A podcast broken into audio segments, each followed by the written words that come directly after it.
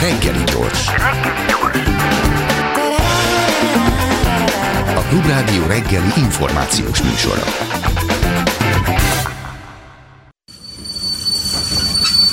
Reggeli személy.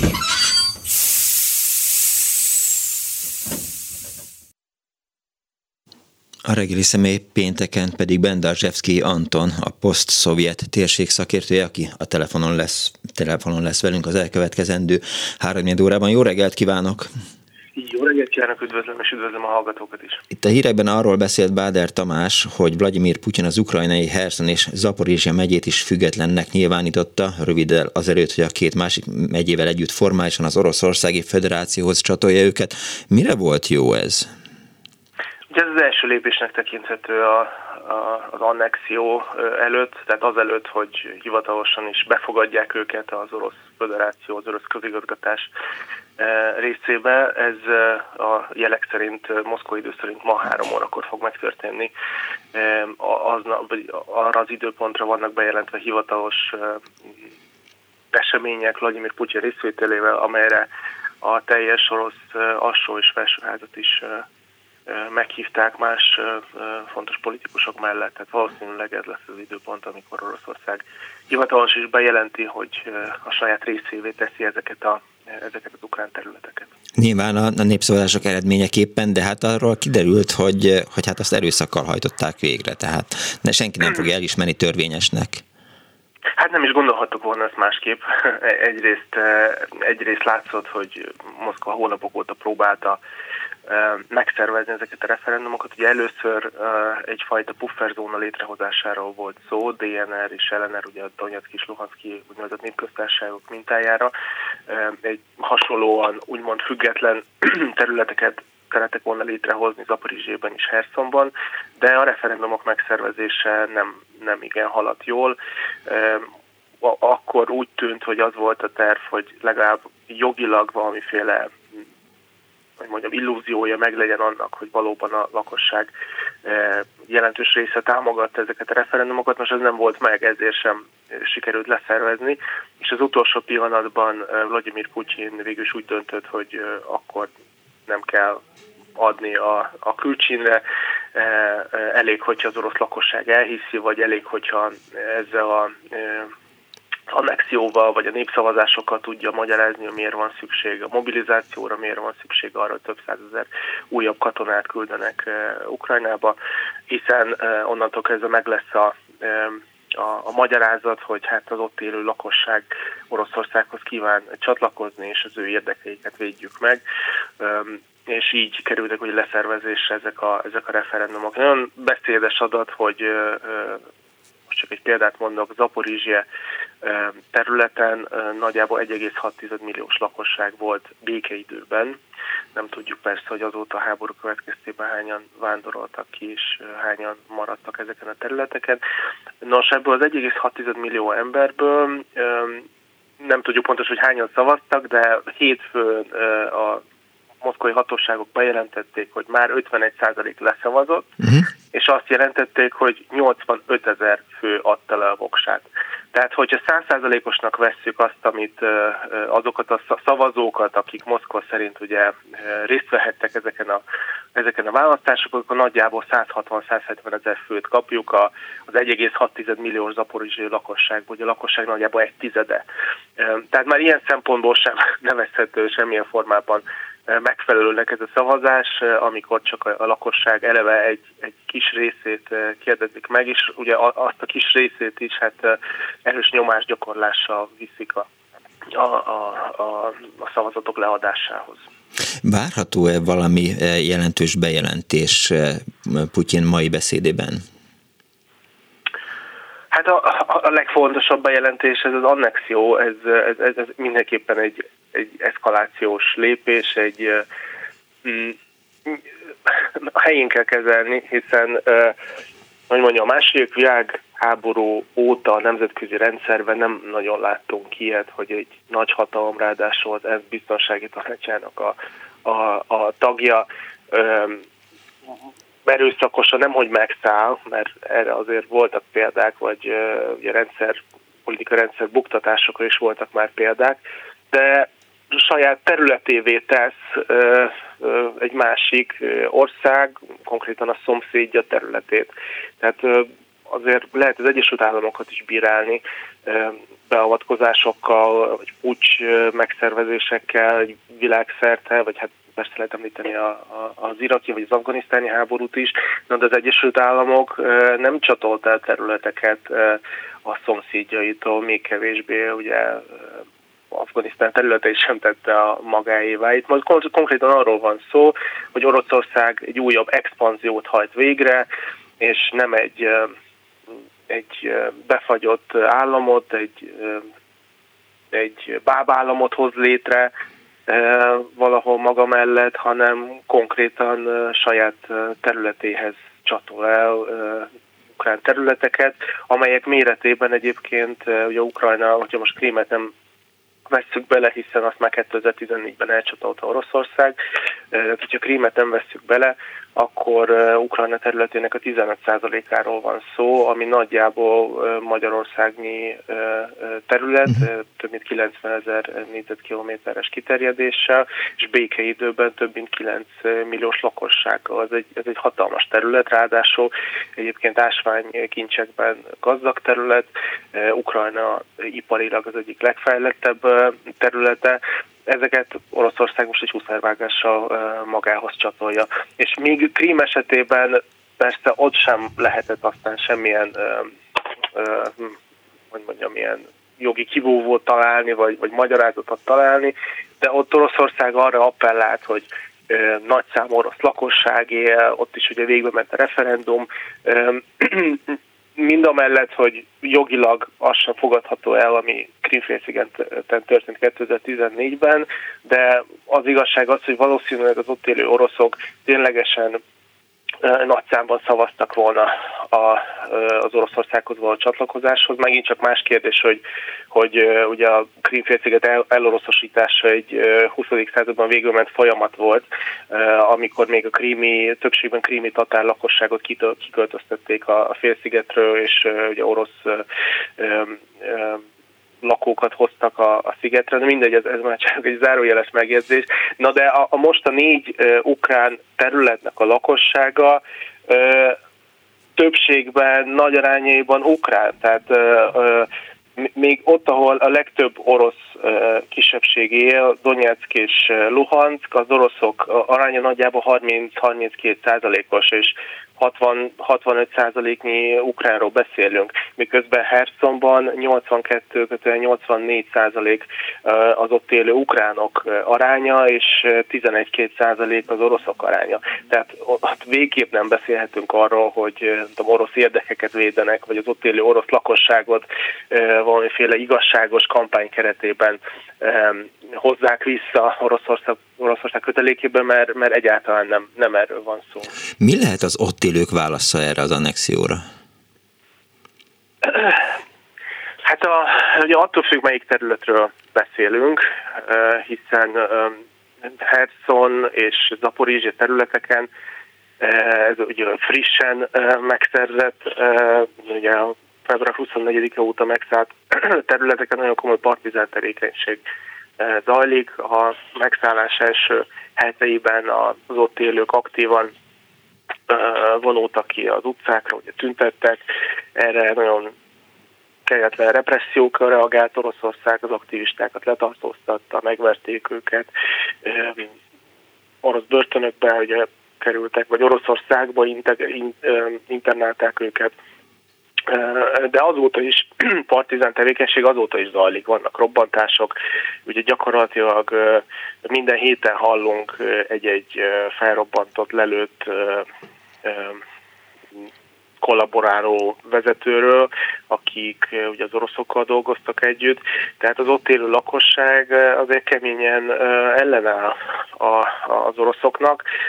Nyilván így, hogy Oroszország hivatalosan is a közigazgatása részévé teszi, még nehezebb lesz ez a fajta ellenállás, hiszen az oroszok olyan struktúrákat hoznak majd ezekre a területekre, amelyek még inkább tudják ellenőrizni az ott lakókat, és hát nehezebb, nehezebb lesz a, a dolgok biztosan.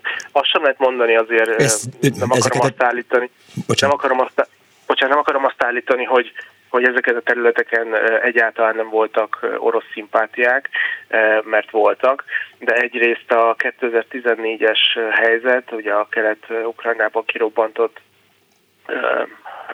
hát ilyen szeparati, oroszok által kirobbantott szeparatista mozgalom, az, az nagyon világosan jelezte a, mondjuk a Herszomban és Zaporizsiban lakóknak, hogy merre, merre halad az, a, ez az egész helyzet. Ugye Donetszki és Luhanszki népköztársaságok teljesen gazdaságiak működésképtelen területekké váltak, ahonnan elvándoroltak az emberek, ahol nem volt munkanélküliség, ahol a gyárak berendezéseit szétlopták. Tehát ez egy mindenképpen egy rendkívül negatív, traumatikus tapasztalatokat mutatott a környéken lakóknak, és ők aztán semmilyen módon nem szerettek volna. Ha, ha esetleg 2014 előtt voltak is bizonyos illúziók, voltak is orosz szimpátiák, hogy ezt láttunk 2014-ben, ahogy gyakorlatilag egy lövés nélkül sikerült elcsatolni a Krimi félszigetet, Mindenesetre az elmúlt nyolc év tapasztalatai azokat is elfordították Oroszországtól, akik egyébként lehet, hogy számítottak valamire, vagy, vagy bíztak abban, hogy orosz, Oroszország részeként, vagy, vagy orosz segítséggel mondjuk a gazdasági helyzetük javulni fog. A legutolsó mérések azt mutatták egyébként, hogy ezeken a területeken most elsősorban Herson és Zaporizsia eh, és Harkiv térségére gondolok, az Oroszországgal szimpatizálók aránya valahol 10% eh, körül mozgott, ennél, ennél nem nagyon lehetett több. Eh, innentől kezdve, ha uh, Ukrajna vissza akarja szerezni a területeit, akkor Putyin azt mondhatja, hogy megtámadták Oroszországot és sértik a határaikat? Pontosan ezt fogja mondani, ez, a, ez volt az egésznek a célja, hiszen ahogy mondtam, ez egy nagyon nemzetközileg értékelve egy nagyon komoly lépés egy másik ország területeit annektálni, az egész nemzetközi rendszer arra épült, hogy a második világháború után kialakított rendszer arra épült, hogy vannak lefektetett határok, vannak nemzetközi szerződések, és ezeket a szerződéseket nem lehet megszegni, ezt, ezt nem lehet megváltoztatni vannak ugye kritikusok, akik azt mondják, hogy lámlám, de hát ott van például a Koszovó példája, vagy, vagy a Jugoszlávia, a Jugoszláv háború és ugye a szétesésnek a példája, de, de hát az egészen másról van szó. Bogárháborús helyzetről van szó, egy bizonyos terület függetlenségének a kinyilvánítása, miközben itt ugye egyértelműen egy annexióról van szó, amikor egy nagy hatalom egy másik hatalmat száll meg. És valóban, tehát Oroszországnak ez a lépés ez csak ennyiben érte meg, hiszen nagyon komoly nemzetközi visszhangja, visszhangja lett, és a béke tárgyalások lehetőségét végtelenül leszűkíti. Tehát csak annyiban érte meg, hogy ezzel megpróbálja megállítani az, az ukrán, az ez egyébként sikeres ukrán ellentámadásnak a, a folytatását, hiszen láttuk, hogy szeptember szeptember elején elindított ukrán támadás több mint 8000 négyzetkilométernyi területet szabadított fel, ugye elsősorban Harkiv, a harkivi területeken, és jelenleg egyébként ugye még nem érkeztek meg ezek a mobilizátoros csapatok, vagy nem, nem nagy mennyiségben nem érkeztek meg, és most éppen a, azokat a Luhanszki területeket szabadítják fel az ukrán haderővel, amelyeket Oroszország olyan nehezen szerzett meg a háború kezdete óta. Most éppen Limannál tart az ukrán haderő, nem és ezután már jöhet Severodonetsk. Tehát ezt, ezt a helyzetet szerette volna Vladimir Putin megállítani, és ezzel egy olyan fenyegetést teremtett, amivel úgy gondolta, hogy esetleg elrettenheti a kievi hatóságokat, vagy ugye a kievet támogató nyugatot, hiszen emeli a téteket, és azt mondhatja, hogy innentől kezdve ez orosz közigazgatási terület, és hogyha ezeket a területeket támadjátok, akkor minden eddiginél komolyabb konzekvenciái lehetnek. Egyébként ez egy olyan szempontból nagyon paradox helyzet, hogy itt nem csak a, az eddig megszállt területekről van szó, hanem itt arról van szó, hogy Oroszország a, az elcsatolandó négy területből jelenleg egyiket sem kontrollálja teljes egészében. Tehát Luhansznak nagyjából, a, Luhanszki terület van talán a leg, legnagyobb arányban orosz kézen, 95%-ban van Oroszország kontrollja alatt, de Donetsk esetében 55%-os kontrollról beszélünk, a megye majdnem felét uh, ukrán uh, uh, katonák ellenőrzik. Ahogy egyébként hogy Zaporizsében például a legnagyobb uh, város, a Zaporizsia megyeszékhelye ukrán kézen van, nem orosz kézen. Ebből ugye az következik, az orosz logika szerint, hogy most már az ukránok váltak megszállóvá, hiszen ők innentől kezdve orosz területeket tartanak megszállás alatt.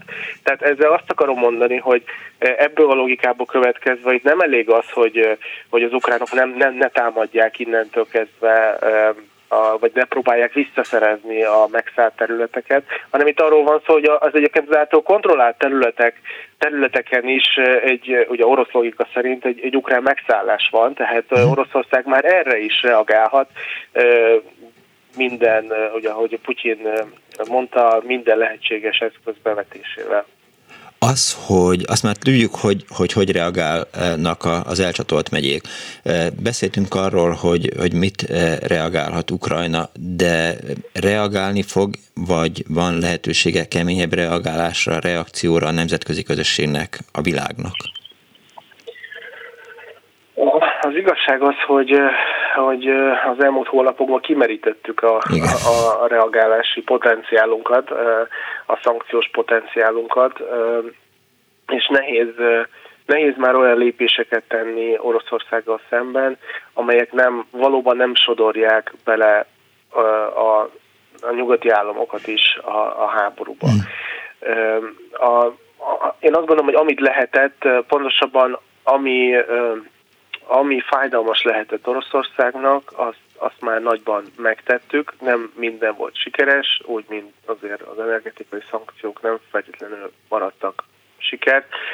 Most csak egy adat, hogy, hogy a szankciók ellenére, az energetikai szankciók ellenére Oroszország a háború óta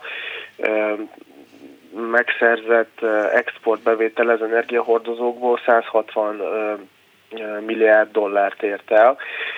Hogyha ezt egy évre vetítjük, tehát hogyha folytatódik ugye arányaiban ez a, az orosz bevétel, akkor valahol 330-335 milliárd dollárt kapunk, ennyi lesz várhatóan Oroszország bevétele az energiahordozókba. Ennek nagyjából felét, vagy több mint a felét az Európai Unió országai adják, még a szankciók ellenére is. Tehát most még egyszer 335 milliárd dollár bevétel a háború alatt, miközben tavaly Oroszország energiahordozókból származó bevétele 220 milliárd dollár volt. Tehát itt egy jelentős, jelentős többlet, többletről van szó, és a jövő évben is Oroszország arra számít, hogy legalább 240-250 milliárd dollárnyi bevétele lesz a szankciók ellenére is, ami még így is magasabb, mint ugye 2020 és 2021-es adatok. De na minden, ez, ez, ez egy kitérő volt, de, én azt gondolom, hogy azt a, azt a lépés, szankciós lépés potenciált, amit, ami nagyban ért volna valamit, azt, azt már megtettük, hogy az orosz pénzügyi szektor elleni szankciók, a technológiai szankciók, ezek valóban hatásosak, valóban elzárják Oroszországot a, a mondjuk a, a hitelezési piacoktól, a, a nemzetközi kereskedelmi piacoktól, a modern technológiáktól, amelyek hogy mondjam, hát erősen visszavetik Oroszországot a fejlődésben, de nem állítják meg a sajnos a háborút, mint bebizonyosodott, és innen ezek a további lépések azok, azok már inkább katonai fonton lennének, viszont ugye egyértelműen bele bele sodorná, sodornának minket egy, egy háborúba.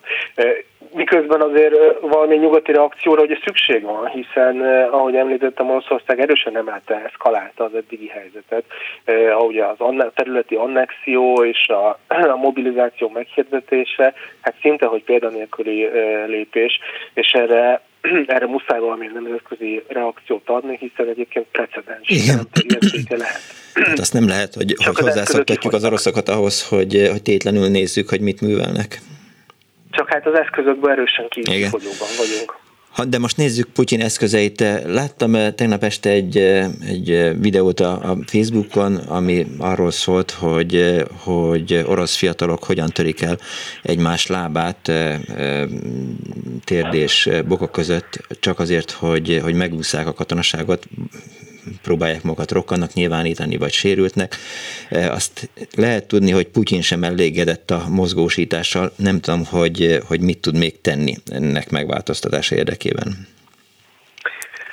Hát sajnos illúzió nincsenek, a, a mobilizáció haladni fog, ugye nem, nem is tudjuk a, a pontos számot, hogy hány embert akarnak behívni. Ugye hiába hangzott el 300 ezer fős létszám, Szergés Solygó, orosz védelmi miniszter részéről. Ez nem igaz valószínűleg, hiszen a mobilizációs rendeletről szóló szövegben van egy pont, amely konkrétan a létszám, behívandó létszámról szól, a hetes pont, amely egyébként titkos, tehát hogyha valaki felmegy a Kreml oldalára és letölti ezt a bizonyos rendeletet, akkor a hatos pont után egyszerűen a nyolcas pont következik. de az orosz hatóságok egyébként egy újságírói kérdéssel tisztázták a dolgot, hogy itt eh, ez egy titkosított pont, amelyben a létszámról van szó, de hát nyilván nem mondták el eh, a létszámot. Tehát eh, magy- magyarán minek titkosítani valamit, hogyha kimondjuk, hogy ez 300 ezer, hát azért, mert nem 300 ezer emberről van szó, hanem, hanem ki tudja mennyiről 800 ezerről, 1 millióról, 2 millióról. Nyilván ez nem részleges mobilizáció, hiába mondják az orosz hatóságok, hiába nevezték el részleges mobilizációnak, ez annyiban részleges mobilizáció, mint amennyiben ugye különleges katonai művelet nem háború, de háború, csak hogy az orosz lakosságnak így lett így lett elmagyarázva, hogy ők nem állnak háborúban, hanem, hanem Oroszország csak egy korlátozott jellegű katonai műveletet végez Ukrajna területén, ugye ez nem igaz. Hasonló helyzet a, a, a részleges mobilizációval, jelenleg azt látjuk, hogy valószínűleg kvóták vannak bizonyos, minden egyes orosz régióra vonatkozóan vannak kvóták, hány uh-huh. embert kell hadba, hogy harcba állítani, és a kvóta mielőbbi teljesítéséhez ugye mindent megtesznek, és mielőbb megpróbálják ugye ezt a kvótát betölteni. Tehát a, hiába szól, vagy hiába mondta Vladimir Putyin és Szergei Sojgu, hogy elsősorban azokat hívják be, akiknek akik tartalékban vannak, és akik harci tapasztalatokkal rendelkeznek. Hát ugye ez azért problémás, mert harci tapasztalatok Oroszországban azért nem sok embert lehet találni. A szíriai háborúban valóban voltak részvevők, de azok már gyakorlatilag mind a, a háborúban tehát az ukrán fronton vannak, és egyébként sem voltak olyan sokan, néhány ezer emberről beszélhetünk, miközben ugye a legközelebbi harci tapasztalat az több mint 20 éve volt a második csecsen háború idején. Tehát itt egyáltalán nem arról van szó, hogy harci tapasztalatokkal rendelkező embereket hívnak be, hanem mindenkit, akit, akit meg tudnak találni, akit el tudnak érni, hogy minél hamarabb betöltsék ezeket a kvótákat. És tehát és mivel az orosz lakosság ugye 141 milliós, ahogy Sol, Szergei Solygó is elmondta, 25, legalább 25 milliós mobilizációs potenciállal. Valóban sokan próbálják elhagyni az országot, sokan nyúlnak ilyen, ahogyan is említette, ilyen cselekhez, hogy eltörik egymás kezét, lábát, de ettől függetlenül a, mondjuk, mondjuk úgy, hogy ezt az első lépést, a 300 ezer embert, és ami követi ezt, ezt, ezt végre fogják tudni hajtani, és meg lesz, meg lesz ez a létszáma a fronton, sőt, De ha, igen. Ső, sőt, már, már most is látjuk, hogy, hogy megjelentek az, az orosz katonák, ugye most behívott orosz katonák az ukrán frontokon. Az ukrán hírszerzés tegnap előtti adata arról szólt, hogy legalább ne, ők azt mondják, hogy 40 kötél 60 ezer ember már átlépte a, az ukrán határokat, ami azt, ugye, ami azt mutatja, hogy akkor 5-6 napig zajlott a mobilizáció, és ezeket az embereket hát lényegében semmilyen komoly tréning vagy felkészítés nélkül egyszerűen ugye odaadták, vagy felszerelték, megkapták a felszereléseket, és így beküldték a frontra. Ebben kapcsolatban olvastam, a portfólió idézi a The Insider megjelent cikket Vladislav Inozemcev, orosz közgazdász arról ír, hogy a mozgósítás miatt bedőlhet az orosz gazdaság. Annyi munkaerőt viszel, hogy, hogy, hogy bajba kerül maga az egész rendszer. Ez szerintem első, az elején ez, ez még nem fenyegeti az orosz gazdaságot. Ugye so, so, sokat temettük, vagy temették már az orosz gazdaságot a háború kirobbanása óta. Ugye a szankcióknak is már az lett volna célja, hogy hogy eltemesse az orosz gazdaságot. Ugye például nagyon az egyik legfontosabb szankciós lépés az volt, hogy az orosz tartalékokat, több mint 600 milliárd dolláros tartalékról beszélünk, ebből 400 milliárdot befagyasztották a, a nyugati államok. Oroszország így nem tud hozzáférni ehhez a pénzhez, ami mondjuk szükséges lenne az állami szektor fedezéséhez. De, de mégis, tehát nem orosz gazdasági összeomláson nem beszélhetünk. Hasonló gazdasági problémákat, amit Inozemcev mond, akkor, akkor látok, hogyha kiszélesedik a, a, a mobilizáció, hogyha e, valóban nem két-háromszáz ember ezer embert hívnak be, hanem mondjuk egy milliót, az egy valóban uh, érzékelhető kiesés lesz a, a, az orosz gazdaságból. Uh, és, és ugye azt is, azt se felejtsük el, hogy amit ön mond, és ugye az hivatkozva, hogy ők kiesnek a bizonyos szektorokból, bizonyos ágazatokból, hiányt okozva, de itt azt se felejtsük el, hogy ezeket az embereket azért el kell látni. Oroszország fizet nekik bizonyos fizetéseket, hiszen ugye megélhetésüket garantálni kell, ugye felszereléseket kapnak, és hogyha háború elhúzódik, már pedig úgy tűnik, hogy nem, nem egy hamar lesz vége, hanem még, még egy darabig folytatódni fog, akkor ez egy újabb jelentős terhet fog róni az orosz gazdaságra. Egyébként ugye a hidegháború évei alatt az orosz gazdasági összeroppanásnak többek között az egyik oka ugye a katonai verseny volt, és az, hogy Oroszország egy nagyon jelentős katonai kontingenst kellett, hogy fenntartsa. A, abban az időszakban egyébként egy közel 3 millió fős orosz katonai kontingensről beszélhettünk, elsősorban ugye sorkatonaságra támaszkodtak egy két éves katonai szolgálattal, és ez a három, közel 3 milliós sorkatonaság pontosan 2,8 millió. Ez egy jelentős terhet rótt a, a szovjet gazdaságra nézve, hiszen ezeket az embereket ugye el kellett látni. Ugye nem, nem véletlen, hogy a Szovjetunió összeomlása után drasztikusan lecsökkent az orosz hadseregnek a létszáma már a 90-es évek első éveiben, valahol több mint a 90-es évek végére a felére esett vissza, majd még tovább csökkent, és végül ugye Vladimir Putyin katonai reformjainak következtében igyekeztek eltérni egyébként, vagy, vagy átváltani ettől a korábbi szovjet modelltől, és hivatásos katonai alapokra helyezték át a hadsereget. Tehát jelenleg az orosz hadsereg felépítése nagyjából úgy néz ki, hogy egy millió fő van az orosz haderőben, ebből nagyjából 300 ezer fő a, a sorkatona, a, a többi az pedig ugye adminisztratív személyzet és hivatásos katona. Tehát egy egészen más felépítési hadseregről beszélünk. Na de hogyha innentől kezdve valóban százezrek vagy akár milliók csatlakoznak a, a, az orosz hadsereghez, és húzamosabb ideig lesznek a, a fronton, akkor ez valóban egy, egy nagyon komoly gazdasági megterhelést fog jelenteni, de ez még önmagában mondjuk nem roppantja össze az orosz gazdaságot, hosszú távon igen. A, sajnos a hatások nagy része, hogy a szankciós hatások nagy része is inkább csak hosszú távon érvényesül, nem ad azonnali hatást. És még, még egy gondolat, hogy Oroszország ugye két, Vladimir Putyinnak két fő eszköze volt a további eszkalációra, pontosabban ahhoz, hogy megfelelő választ adjon az ukrán ellentámadásra, már orosz szempontból olyan válasz, hogy mit, mit tudnak reagálni az ukrán sikerekre, és mobilizáció volt az egyik ilyen válasz, de még ott van a tarsolyban a hadi állapot meghirdetése. Oroszországban ugye továbbra sincs háború, továbbra különleges. sincs különleges katonai művelet, van így van, és a hadi állapot meghirdetése az megint csak egy olyan lépés lenne, amely az orosz gazdaságot teljes mértékben a háború céljaira irányítaná uh-huh. át.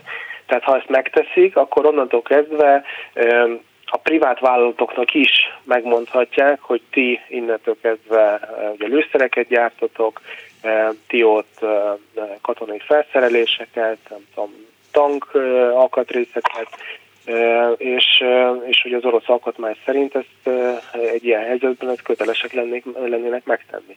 Na az már valóban egy, egy erősen romboló hatása lenne az orosz gazdaságra nézve, de a háború céljait orosz szempontból mindenki Hát ebben kapcsolatban beszélt arról, vagy írt Michael Kaufman arról, az orosz fegyveres erők ismerője, hogy egy különleges hadműveletet be lehet fejezni, de egy háborút vagy megnyerni lehet, vagy elveszteni. Ugye nem véletlen, így van, ez ebben abszolút igaza van, ugye nem véletlen, hogy az elmúlt száz évben Oroszország egyetlen egy háborút vívott, ez a második világháború, ahogy ott nevezik, ugye a nagy honvédő háború volt egyetlen egy másik háborút sem nevezték háborúnak. Az afganisztáni háborút sem, azt hiszem ott pontosan a, a, az alkotmányos nem, nem, nem emlékszem pontos megfogalmazásra, de hogy egy, egy szövetséges ország a törvényes hatalmának a helyreállításáról szóló művelet volt. Ugye a Csecsen, az első és a második Csecsen háború, hát széles körben elterjedt, egy, egyébként oroszok egymás között is Csecsen háborúnak nevezik, de hivatalosan ez nem Csecsen háború volt, hanem alkotmányos rend helyreállítására helyreállításáról szóló különleges művelet volt. A, a finn-orosz háború, ugye 1939-ben sem volt háború, hanem ott is emlékszem pontosan megfogalmazása. Tehát Oroszország, ha megnézzük ezeket az adatokat az elmúlt száz évben, nem egyetlen egy háborút mhm. vívott, és az egy, az, egy, az egy védekező háború volt, nem egy agresszív háború. Ugye a, a náci Németországgal szemben ugye a német támadás követően vívták, de hogyha ezeket a, a, a, a hivatalos adatokat nézzük, vagy orosz, orosz narratívából, akkor ők aztán sem agresszív háborút nem vívtak, sem háborút egyáltalán nem vívtak. Ezek mind e, műveletek, különleges műveletek voltak, e, és Oroszország nem, e, nem, nem folytatott ilyesmit. Ugye most azt lehet hallani, a legfrissebb híreket néztem, hogy Putyin bejelent valamit, Zelenszky nyilván azt mondja, hogy vissza fogjuk foglalni a területeket, és megvédjük Ukrajna határait, stb. Vagy legalábbis azt gondolom, hogy ez történhet. Közben azt látom, vagy azt adják hír, hogy Fehér Oroszország is mozgósít. Erről, ettől mit lehet várni? Nem, nem, ott még nem beszéltünk mozgósításról, ott ilyen magasabb, fegyveres erőket magasabb készültségbe uh-huh. uh, helyezték. A, a látszik, hogy a háború kirobbanása óta a belarusz hatóságok minden minden eszköz bevetnek ahhoz, hogy elkerüljék a, a maguk involválódását, legalábbis közvetlen bevonódását a, a háborúba. Nyilván hadviselő fél, hiszen Belarus katonai bázisokról indult az orosz támadás egy része, ugye ukrán területekkel szemben, Észak-Ukrajnában.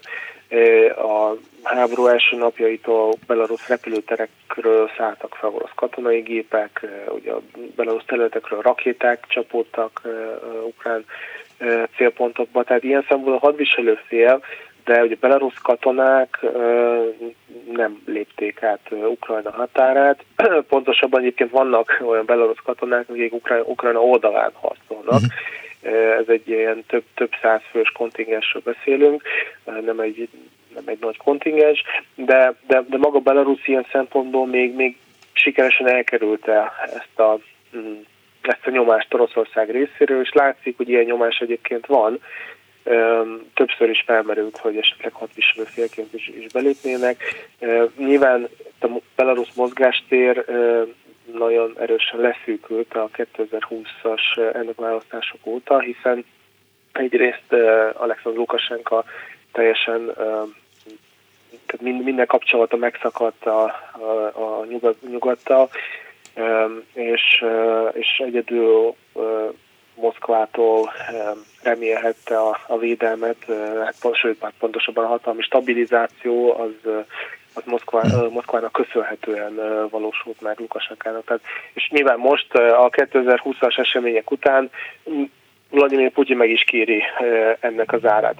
Én azt gondolom, hogy elsősorban a belarusz erőknek a, a, a folyamatos, mm, tehát a, ennek a veszélynek a folyamatos meglebegtetése, az, hogy időre időre ugye ilyen jellegű hírek érkeznek Belarusba, az elsősorban egy nyomásgyakorlás, egy, mm, egy olyan veszélyérzet megteremtését szolgálja, hogy lekösse a, a, az ukrán erőket, hiszen innentől kezdve nem lehet mm, nem lehet teljesen védtelenül hagyni Ukrajna északi határait, északi területeit, és, és ugye állandóan ott kell, ott kell tartani, meg kell osztani az ukrán haderőket, hogyha esetleg valóban Belarus felől megtörténik egy támadás, hiszen most arról beszélünk, hogy orosz erők e, legalábbis jelenleg, tehát itt most egy szeptember 30-ai állapotokról beszélünk, ez bármikor megváltozhat, de, de ugye jelenleg orosz erők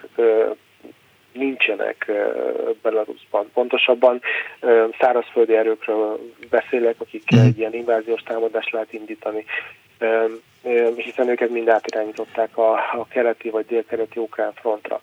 Bocsánat, hogy félbeszakítom, csak Igen. lejárt a műsoridőnk, és, és ezért vagyok kénytelen, hogy, hogy itt elváljuk a, a beszélgetésünket. Nagyon szépen köszönöm Bendarzsevszki Antonnak, hogy rendelkezésünkre állt a posztszovjet szakért térség szakértője volt a, a vendégünk, és megosztotta információt a hallgatókkal. Viszont hallásra! Viszont hallásra, köszönöm szépen! A mai műsor szerkesztője, elnézést, hogy ilyen kurtán furcsán lett vége, csak nem volt itt Anton, telefonon beszélgettünk vele, és ilyenkor a szemkontaktus nem működik, és nem tudtam neki jelezni, hogy hamarosan sport, illetve könyvklub jön itt a Klubrádióban. Na, visszatérve a fontos dolgokhoz. A szerkesztő Korpás Krisztina volt, a műsor létrehozásában segítségemre volt Bohus Péter, Túri Louis, Balogh Kármen és Zsidai Péter, én Pálinkás Szűcs Robert voltam, egy hét múlva találkozunk, legyen kellemes a hétvégéjük, tudják jól, give peace a chance, Putyin rohagy meg, véhallás. Sajnos lejárt az időnk, úgyhogy szívesen hallgatnánk még, de, de... Nem kell, nincs értelme ennek a beszélgetésnek. Ó, mi nem így Nem csak ennek, egyiknek sem elhangzik a klubrádióban. Köszönöm szépen!